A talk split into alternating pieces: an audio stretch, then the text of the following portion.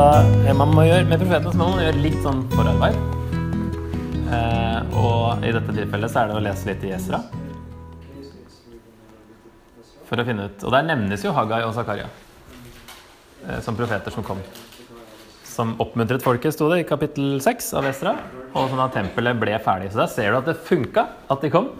Og så får du se i Haggai og, Zakaria da, hva de faktisk sa. Um, og her i første kapittelet her i Haggai så har vi Da sies det også at de, de hørte på han, og de, det funka det, når budskapet ble, ble, gitt. Jeg tenkte at jeg kunne gå litt gjennom det første, og så kan dere få se på det andre etterpå, budskapet. Og så tenkte jeg kanskje vi ser på det tredje sammen. Eh, men at eh, jeg kan prøve å vise litt det første, som også er det lengste. Det er eh, kapittel 1. Men nå, jeg tror det hjelper veldig det vi har sett på så langt. Med bakgrunn i Moseloven og i Esra. Så tror jeg plutselig det kan bli ikke så verst. Ikke så, ikke så vanskelig å finne ut hva som skjer her. Ok, Så da er det ofte sånn at profetene eh, sier hvilket år Eller ikke alltid ofte, de er litt for forskjellige. Det er ikke alle som er like flinke til å datere det. Men, men Haggai daterer også hvilket år det var. Men ofte så nevner de hvilken konge i hvert fall de var profeter under. Så han sier at det var i det andre regjeringsåret, altså 520 før Kristus. Og det skal vi se om det står i noen fotnot. Jo, det står det. 520 før Kristus. Kan du finne ut av fotnotene. Og Der står det også litt om, i hvert fall den bibelen her, da. Der står også litt om Serubabel, sønnesønn av kong Joakim. Sammen med øverstepresten Josva arbeidet han med å gjenreise tempelet. Det ble knyttet store messianske forhåpninger til ham som Davids etling. Så, ja, fra vers 1, da. I det andre regjeringsåret til kong Dareios, på den første dagen i den sjette måneden, kom Herrens ord gjennom profeten Haggai til stattholderen i Juda, Serubabel, sønn av Shealtiel, og til øverstepresten Josva, sønn av Jehosadak. Så sier Herren over herskarene, dette folket sier, tiden er ikke kommet, tiden for å bygge Herrens hus. Da kom Herrens ord gjennom profeten Haggai. Er det tid for dere til å bo i bordkledde hus, så lenge dette huset ligger i ruiner?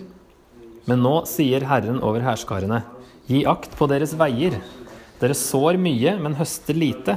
Spiser, men blir ikke mette. Drikker, men slukker ikke tørsten. Kler dere, men blir ikke varme. Og leiekaren får sin lønn i en hullete pung. Så sier Herren over herskarene, gi akt på deres veier, dra opp i fjellet og hent tømmer, bygg huset, så vil jeg ha glede i det og bli æret, sier Herren. Dere venter mye, men se, det blir lite. Dere får avlingen i hus, men jeg blåser den bort. Hvorfor? sier Herren over herskarene.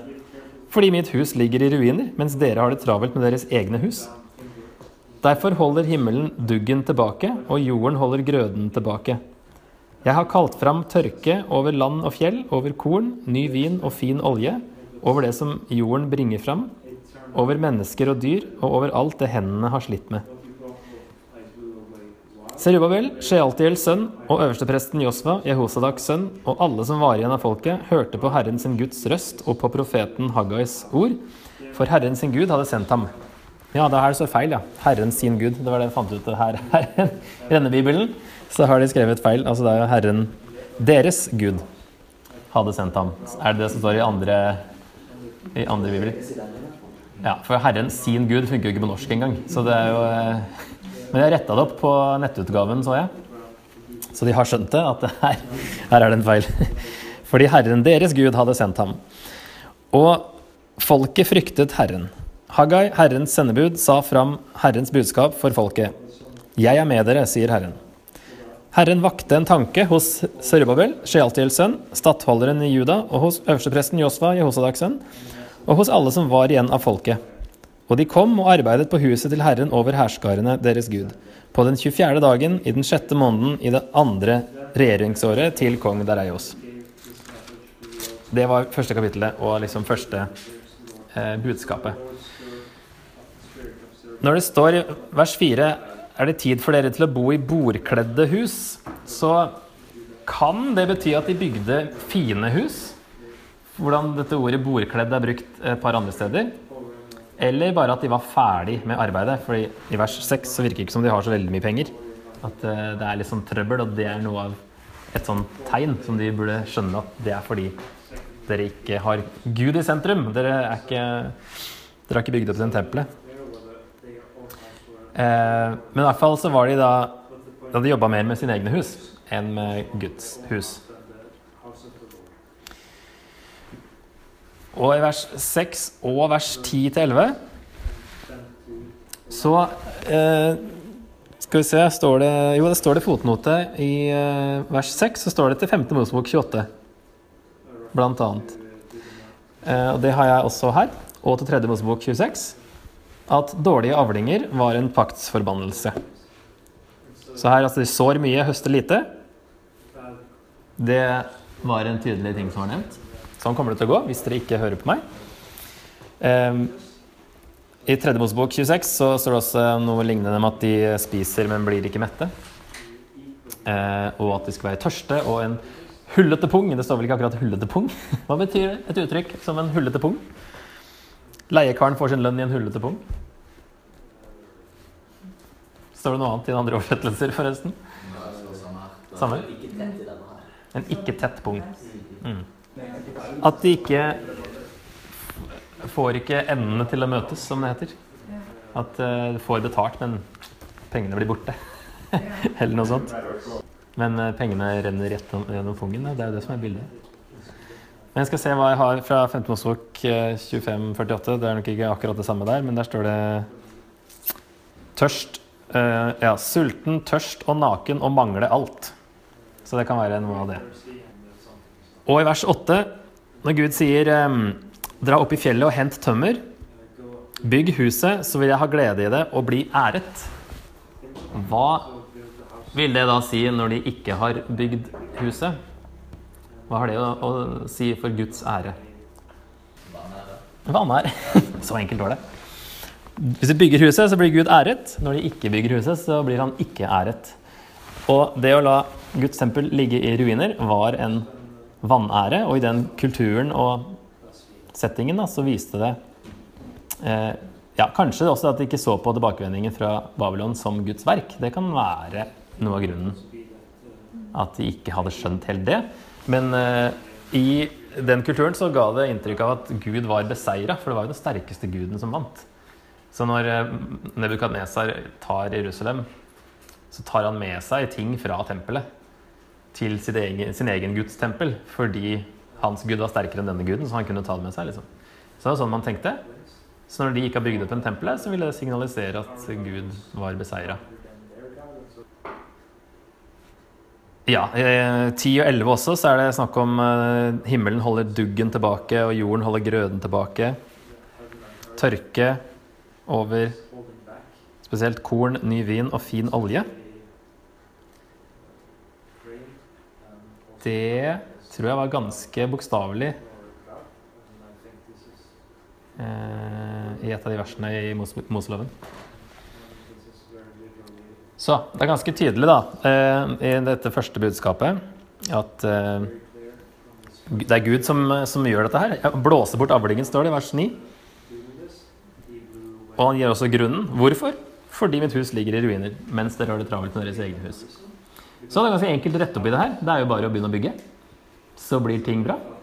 Og det her er jo ikke ting som vi kan automatisk anvende i den nye pakt som vi lever i. Dette var eh, sånn den gamle pakt var eh, arrangert da, med disse forbannelsene. Så hvis vi I hvert fall lite regn ser vi kanskje ikke på som en forbannelse. Altså, det er en annen eh, Altså, Gud er den samme, men han forholder seg til folket på en annen måte. Fordi de hadde inngått en pakt, og dette her var ting som fungerte eh, i det klimaet, og at de fleste drev med jordbruk. Det var veldig avhengig av det. Ja. Mm. Men de virker som de er veldig lydhøre. Da. De hører på profetene. Det skjedde ikke så ofte før eksilet. At de faktisk hørte på dem og, og omvendte seg. Mens her så var det Oi! Ok. Med en gang, liksom. Okay. Skal dere se på neste, tenkte jeg. Kapittel 2, 1-9.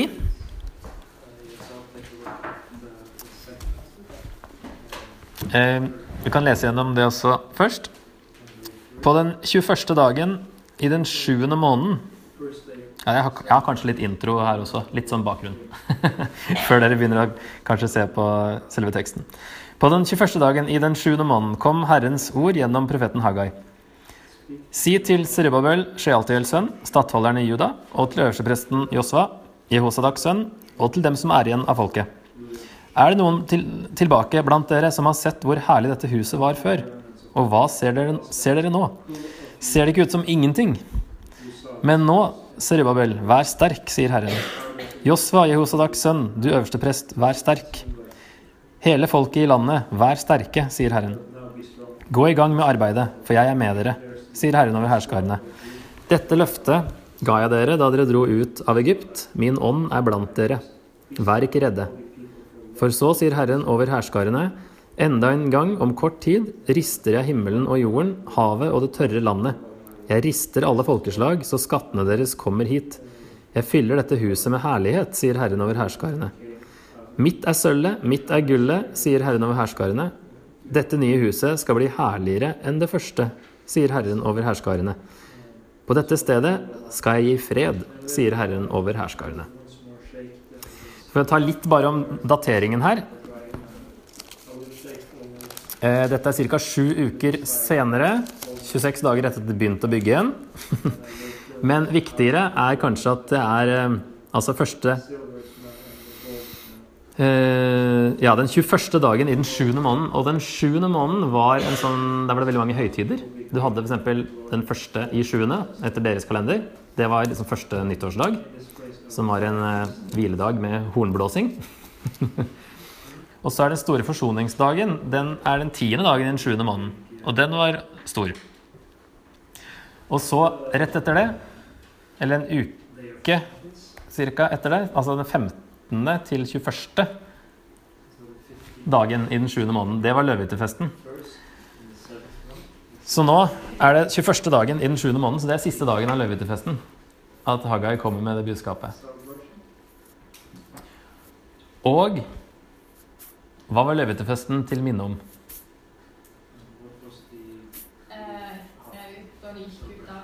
Ja.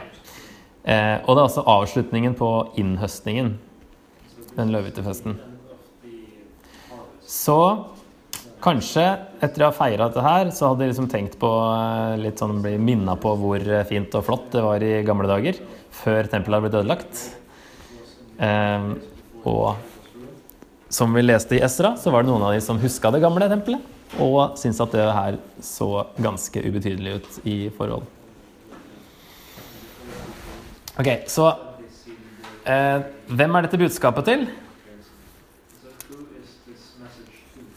Kan vi, altså det er jo til hele folket og Srebabel og Josva. Det meste er jo til de tre. Det nevnes alltid Srebabel, Josva og de som er igjen av folket. Altså Det er de som har kommet tilbake fra eksil. Det er resten, da. Um, men det her er kanskje spesielt til de som var skuffa over den nye grunnvollen, da, som vi leste i Esra 3. At dette er oppmuntring til dem. Ok, så da kan dere få se på. Snakke litt sammen og prøve å svare på disse fire spørsmålene her. Hvilket uttrykk gjentas i dette budskapet? Eller hvilke, om dere ser flere. Eh, hvilken forbindelse har vers 5 til akkurat den dagen Haggai kom med dette budskapet? Hvorfor sier Gud 'dere' i vers 5 når han snakker om noe som skjedde mange hundre år tidligere? Og hvordan ønsker Gud å oppmuntre dem med dette budskapet? Da tar vi vers 1-5 i første omgang. Så tar vi 6-9 etterpå. Ok? Kan dere få lov å diskutere litt? Har dere kommet gjennom? Gikk det greit? Det var ikke så vanskelig, kanskje? Hvilke, hvilket uttrykk fant dere som ble gjentatt? Ja. Vær frimodig, eller vær sterk, eller ikke vær redd, eller sånn i den duren. Er det noen som fant noe annet? Ja. Eller denne her står det 'Herren over hærskarene'. Um, hva kan være grunnen til at han Det er faktisk veldig ofte Det brukes mest av de profetene etter eksilet, dette uttrykket 'Herren over hærskarene'. Men um, Altså Hærskarene kan være både eh, Man snakker om hær, eller allhærsgud. Det kan være både en sånn jordisk hær, militær hær, men det kan også være himmellegemene, altså stjerner og planeter og sånn. At Gud er hersker over det også. Og for så vidt òg onde makter. At han er eh, Ja, det er sånn to-tre måter det ordet brukes på. Hmm? Basically alt. Når det er Gud, snakker om Gud, så er det uansett alt. Allhærs Gud på alle måter. Men uh, hva kan være grunnen til at det gjentas så ofte? Det uttrykket. Det, det, det, var ikke egentlig det jeg tenkte på, det var det andre. Men det er greit når det kommer opp. Nei, det andre. Med um, allhærs Gud, eller Herren og herskarene. Hvorfor gjentas det så ofte, tror du? Ja. Kanskje fordi hvis de trodde at Gud var seira, så tenkte de Oi. ikke være. Ja. Ikke verst. Ja. Hvis, hvis, de faktisk trodde det, at han var beseira, eller om andre trodde det, så er han på ingen måte det. Jeg tenkte, jeg synes det var veldig bra det dere kom med nå. Jeg tenkte bare så kort at jeg tenkte at eh, eh, Ja, hva tenkte jeg? Det var på en slide tidligere, så jeg, men jeg hoppa over det da, siden vi ikke snakka om det. Eh,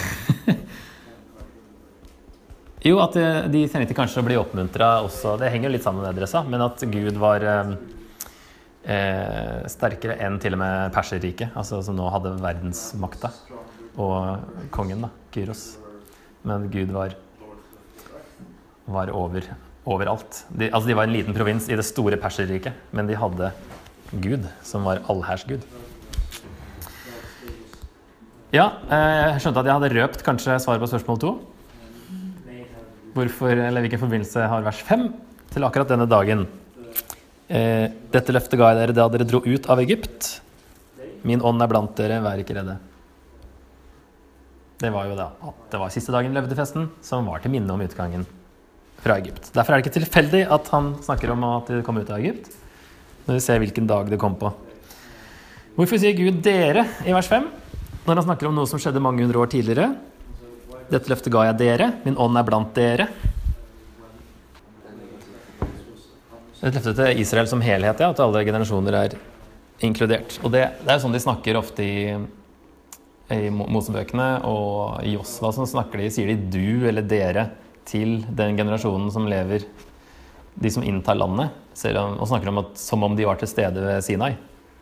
Du var ved Sinai, liksom dere fikk loven. Selv om det var folket som var der, ikke de som personer. Men ja, det er en sånn helhetlig tenking. Ja, og at dette løftet Dette løftet ga jeg dere.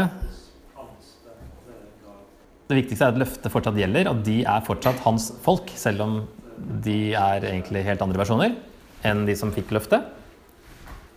Eh, og at historien ikke er over ennå. Løftet er jo ikke helt oppfylt. De har fått altså de tre tingene som Abraham ble lovt. Da. Det var bli stort folk, få et land, og at alle eh, verdens slekter skulle velsignes i ham. Og Det siste er jo Jesus. Sånn at eh, Den siste er jo ikke oppfylt ennå. Og det er derfor de må bygge opp igjen tempelet. For at Messias kan komme. Eh, sånn at eh, den historien, store historien er ikke over ennå. Og må, nå har de fått tilbake landet igjen, selv om de mista det en stund så har de liksom fått tilbake den delen av løftet. Men historien da ikke er, er ikke over. Så det er fortsatt noe igjen å gjøre, og det er, det, det er den oppgaven de har. Bygge opp igjen tempelet, sånn at Jesus da til slutt kan komme som det endelige målet. Så hvordan ønsker Gud å oppmuntre dem med dette budskapet? Det er altså de første versene her. Ut ifra hva han gjentar så mye, så er det kanskje innlysende. Og det er snakk om en oppmuntring han, han, sier jo 'jeg er med dere' i vers 4, og 'min ånd er blant dere'. Altså Han er med dem. De gjør hans vilje, selv om det ser stakkarslig ut. Skulle ikke bli motløse av den grunn. Eh, selv om de kanskje tvilte på at det her var til Guds behag, at det ble så lite. Eh, eller ikke, ja, det så i hvert fall stusslig ut. da. Så tenkte de kanskje at eh, dette er ikke bra. Men eh, Gud sier at det dette er bra. Det er riktig. Kjør på. Så kan vi ta videre kanskje fellesskap, eh, for det kan være litt komplisert. Hvilken funksjon har for i vers 6? Sånne småord syns jeg er veldig gøy, da. Fordi det linker sammen og forklarer. Jeg vet ikke om alle bibler her begynner med 'for' i vers 6. For så sier Herren over herskarene. Når det står et sånt 'for', så henviser jo det til noe som sto før. Det er en begrunnelse på noe. Det henger nok sammen med det forrige, altså som helhet, kanskje. da, At de skal bygge opp igjen fordi han er med dem. Det bygger kanskje på alt det der. For. Eh, men så kommer det noe mer nå som beskriver noe mer større som skal komme i framtiden. Altså mer motivasjon, egentlig, for byggingen. Det må se framover mot det som kommer. Og da kan vi jo se i vers 6 når han sier altså enda en gang om kort tid rister jeg himmelen og jorden, havet og det tørre landet. Og da skal det nok stå en fotnote til hebreerne 1226. Og kanskje noen vers til. Så er i hvert fall det i min. Og da kan vi slå opp der. Hvordan tolkes denne ristingen i hebreerbrevet? Det er veldig nyttig å se på hvordan de tolker profetene i Det nye testamentet, da. Så er kanskje tolkningen gjort allerede. Han siterer jo Haggai her. Den gangen fikk hans røst jorden til å skjelve, men nå har han lovet enda en gang vil jeg riste ikke bare jorden, men også himmelen. Her står det enda en gang. Dette viser at det som kan rokkes fordi det hører til det skapte, skal skiftes ut for at det som ikke kan rokkes, skal bestå. 12, 26, 26 og 27.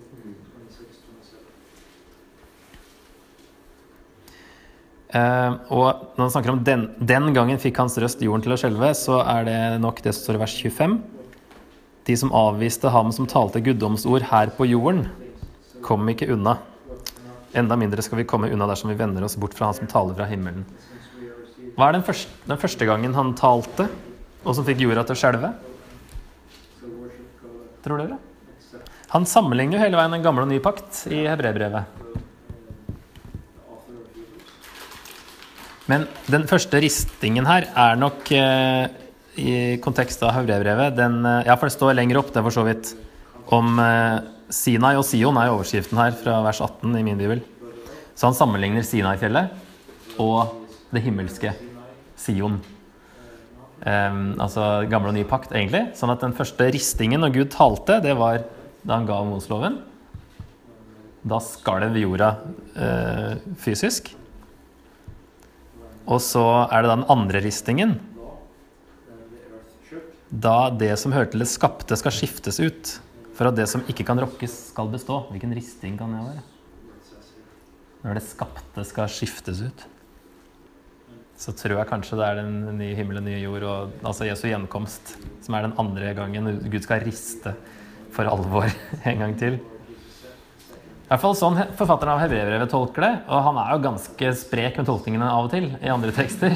Men jeg tror kanskje han er Vi kan ta denne her til oss.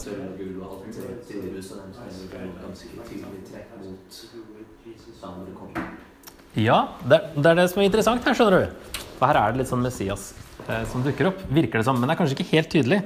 For det høres jordisk ut. Eh, ja, Så når rister eller ristet Gud alle folkeslag, som sier i vers 7, så skattene deres kommer hit. Jeg fyller dette huset med herlighet. Um, så hvis denne ristingen er det som skjer med når Jesus kommer tilbake, så virker det som at Gud kanskje allerede rister. At han har begynt en risting når Jesus kom første gangen. Men himmel og jord skal ristes. Altså Nå rister han så folkeslagene kommer. Men når Jesus kommer tilbake, så skal han riste himmelen og jorden. Da skal liksom alt gjenopprettes eller gjøres nytt. Eh, så her kan det være at, sånn jeg tolker det, at han rister folkeslag inn i, inn i Guds rike. Men det henger sammen med kanskje det som kommer etterpå. Eh, når han snakker om skatter, som det står her i 2011, eller lengsel, som det står i de andre. Folkesla eller nasjonenes lengsel. Her står det skattene deres, men det står vel står det skatter. Står det noen som har lengsel i sin? Har alle samme utgave av Bibelen? Det alle folk lengter etter, ja. For det er plutselig litt sånn annerledes enn enn bare skattene til folkeslagene. Men det er jo igjen den der, der du har en skatt, har du ditt eh, Ja, det er jo en sammenheng mellom skatt og, og lengsel og hjerte og sånt, men her, det ordet her betyr bokstavelig lengsel. Men det oversettes ofte skatter, fordi det var det man ofte lengta etter. Så det brukes om jordiske skatter også. Men her eh, kan det være noe mer Ja? Å nei, jeg trodde du sa unnskyld. Skulle si? Nei, ja. okay. Det var det òg. Ja. Ja. Hva står det på engelsk? The of land. Uh, sorry. Uh, the desire of all nations will come, and I will fill this house with glory, says the Lord Almighty. The desired of all nations. Desired eller desires? And the desire of all nations. The, the desire of all nations will come. Ja, for det her er sånn språklig interessant fordi So this is language-wise, this is interesting. Fordi ehm, Jo, her står det at eh, er NIV du har der, kanskje. NIV og King James har The Desired. Andre engelske har Treasures, så de fleste bruker skatter, sånn som på norsk. Um, sånn, men rent jordisk så gjorde jo Herodes det tempelet her til et vanvittig fint tempel. Så det kan være noe jordisk her også. Sånn at det ble et av eh, datidens sju underverker, nærmest. Det vet ikke, det, var i hvert fall, det ble kjempe i hvert fall et av de mest praktfulle byggene da, i oldtiden. Og det ble større enn Salomos tempel, faktisk, sånn rent konkret og, og jordisk. Men her er subjektet, altså lengsel, eller skatt, det er egentlig entall. Så når de skriver skattene, så har de eh, tatt seg litt friheter for at det kanskje passer bedre med resten, fordi eh, verbet er flertall. Men det er 'de kommer hit', er egentlig verbet. Og da er det rart at eh, subjektet er entall når verbet står i flertall. Og derfor har man kanskje tenkt at man kan oversette det eh, til flertall. Subjektet. Men det altså det er, det er egentlig Dette ble veldig teknisk her. Det ble vanskelig. Men uansett, det her var en messiansk tolkning før Jesus kom. Rabbinerne så Messias i det verset her. Så de så noe større enn bare jordiske skatter, de også. Med at det kanskje er entall. At det er et lite hint om at det er noe mer eller noe annet enn jordiske skatter.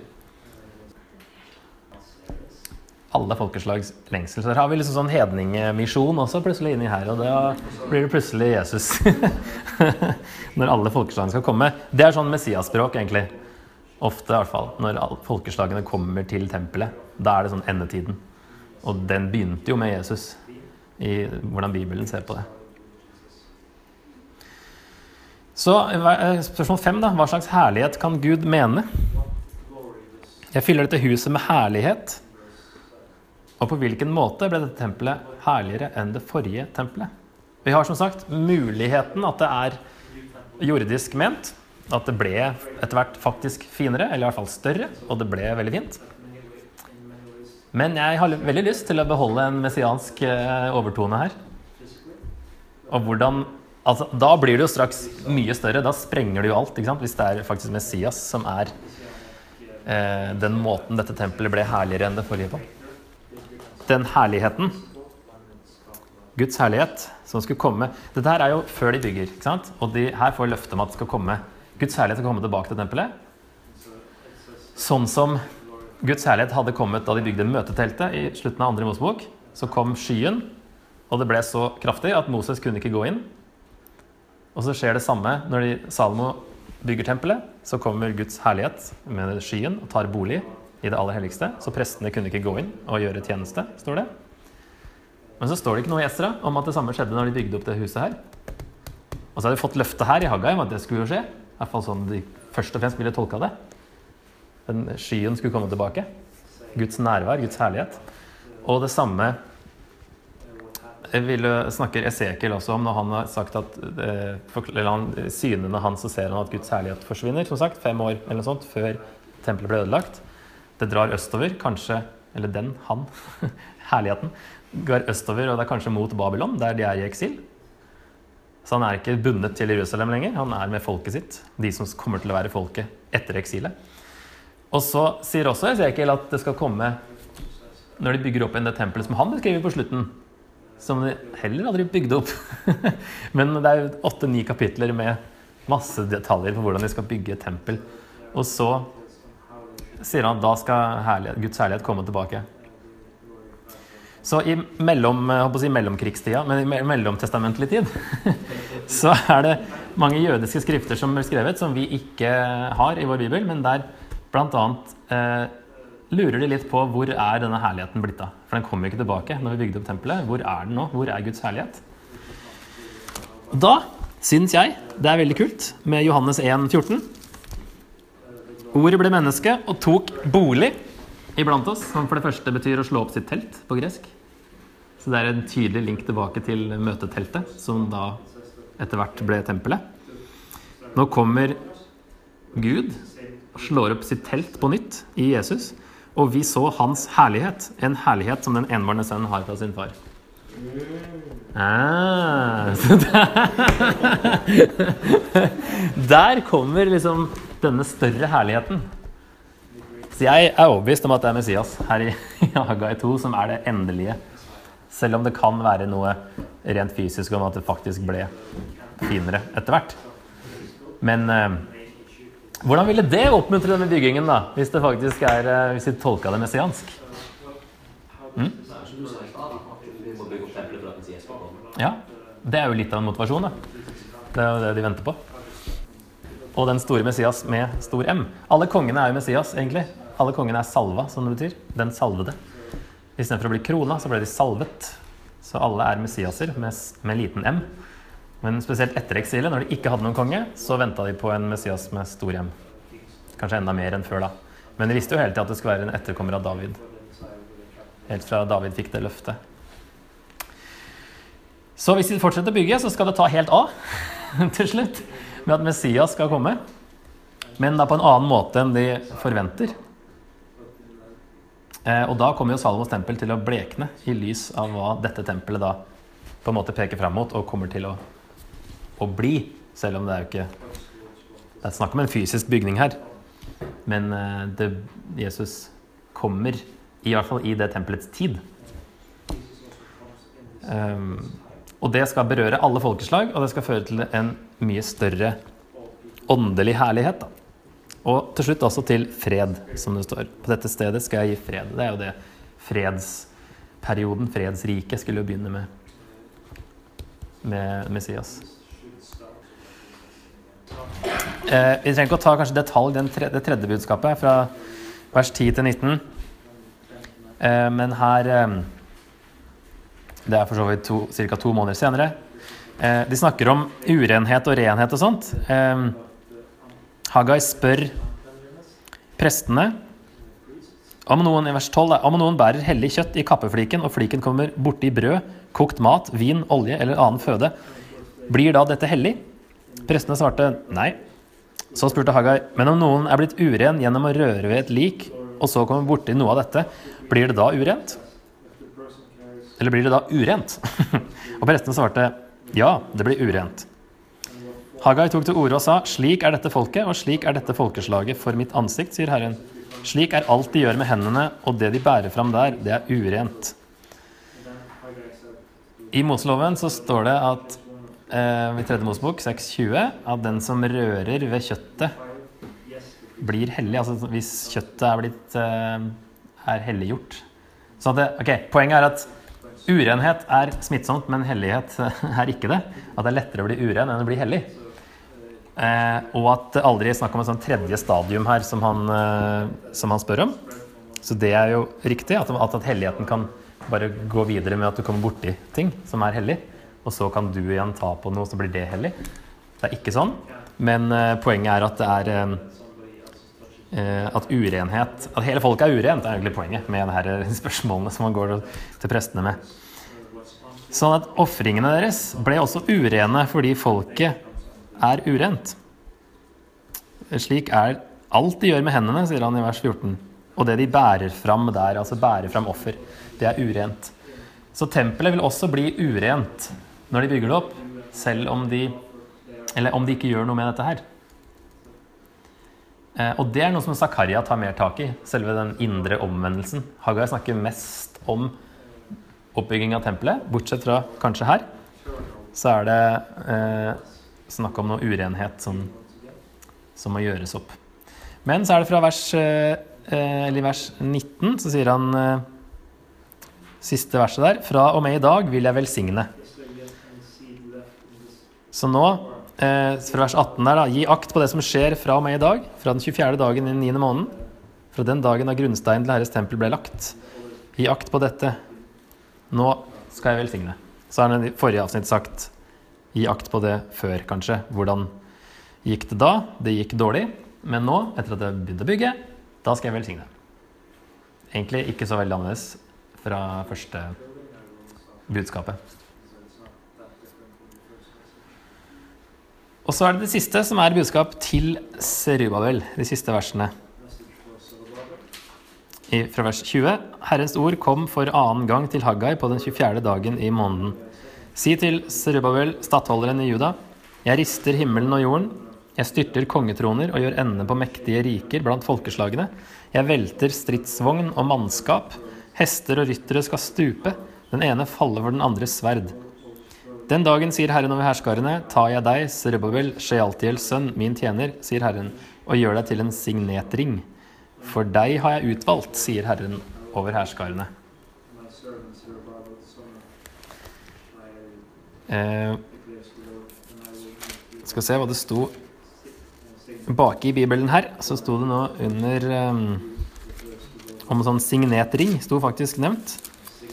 Under overskriften seil, altså segl, så står det mm,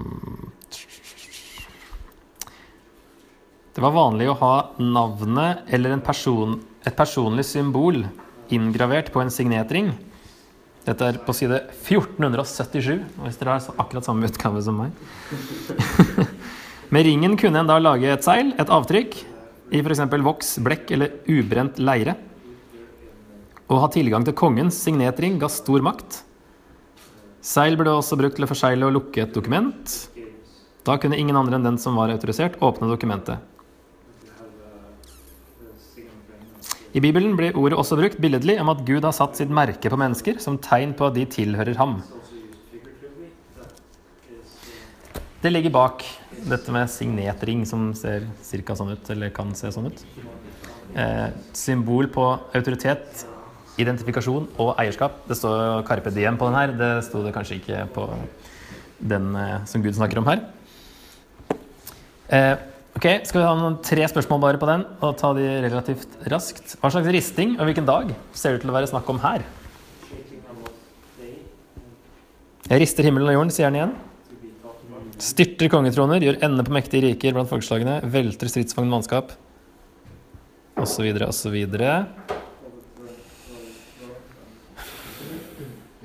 Det er litt vanskelig. Ikke helt klart. Men eh, det kan være den samme ristingen som eh, var nevnt før. At det er dommens dag det er snakk om, der jordiske bilder brukes på en åndelig sannhet. Ehm, så hva mener Gud med at han gjør Serubabel til en signetring? Hvem som Davids etterkommer blir da Nemlig. på samme måte som David på Jesus. Mm -hmm. Ja. Så her har vi det. Davidsløftet eh, på en litt kryptisk måte. Men altså her Messias kommer, og det går fortsatt gjennom slekta til David. Og nå er det Serubabel som er den nålevende Davids etterkommer. Eh, det høres ut som at han Altså, jeg gjør deg til en Ja, ja. Det, er- det er litt vanskelig å vite hva som ligger i det, alt det her. Men altså Jeg vet ikke om de automatisk tenkte at han var Messias, men at det lå noe Han er Ja. Det. Ja, hvis det er den samme, rist, eller samme dagen, altså dommens dag, så vil det kanskje være det at Messias er på en måte implisitt i Serubabel. Eh, Jeg vil ta deg, det vil si din etterkommer eh, Jesus. Eh, men, ja, men for deg har jeg utvalgt. Det er jo tydelig at han er faktisk utvalgt fordi han, er, han skal bli stamfar til Jesus, han også. Eh, og det er jo interessant. I eh, Nytestamentet har vi jo to slektslinjer til Jesus i Matteus og Lukas. Og de er veldig forskjellige. Bortsett fra de møtes på midten. Her så møtes de i Serubabel og faren hans Shealtiel. Det er de eneste to som nevnes i begge slektslinjene. Den eh, gjennom Josef her, den eh, Altså teorien om at de er forskjellige, det er jo at eh, Matteus tar konge, kongelinja, Salomo og kongene nedover, og eh, til Josef, som var liksom den arverekka. Mens Lukas går for det første bakover, sånn at det var ikke den offisielle slektstavla. De gikk framover. Dette var mer sånn personlig slektslinje. Og han legger til en liten sånn derre Jesus var, eller det trodde man, sønn av Josef. Så en liten sånn Nå går jeg egentlig en annen vei. Så han, teorien er at han går gjennom Maria, som også var etterkommer av David, men gjennom Natan, sønn av David, og ikke Salomo. Sånn at han har liksom arveretten til å være konge gjennom eh, Josef, men han har faktisk òg blod. Eh, blodslektskap gjennom Maria. Det er i hvert fall Det er like gammelt som Bibelen selv, det mysteriet her. Det har vært mange forsøk til tolkninger. Men det er i hvert fall den mest utbredte, tror jeg. At det er Maria sin. Uansett så er det de eneste to som nevnes, er Serubabel og hans far, skråstrek onkel. Det er også et litt mysterium. Så anvendelse av Hagai. Haggai. Hva vil dere summere opp der? Nå er det mye vi kan ta, men en helhetlig Hva betyr dette for oss? Vi som ikke lever i den gamle pakt, og som ikke har noe tempel vi skal bygge opp.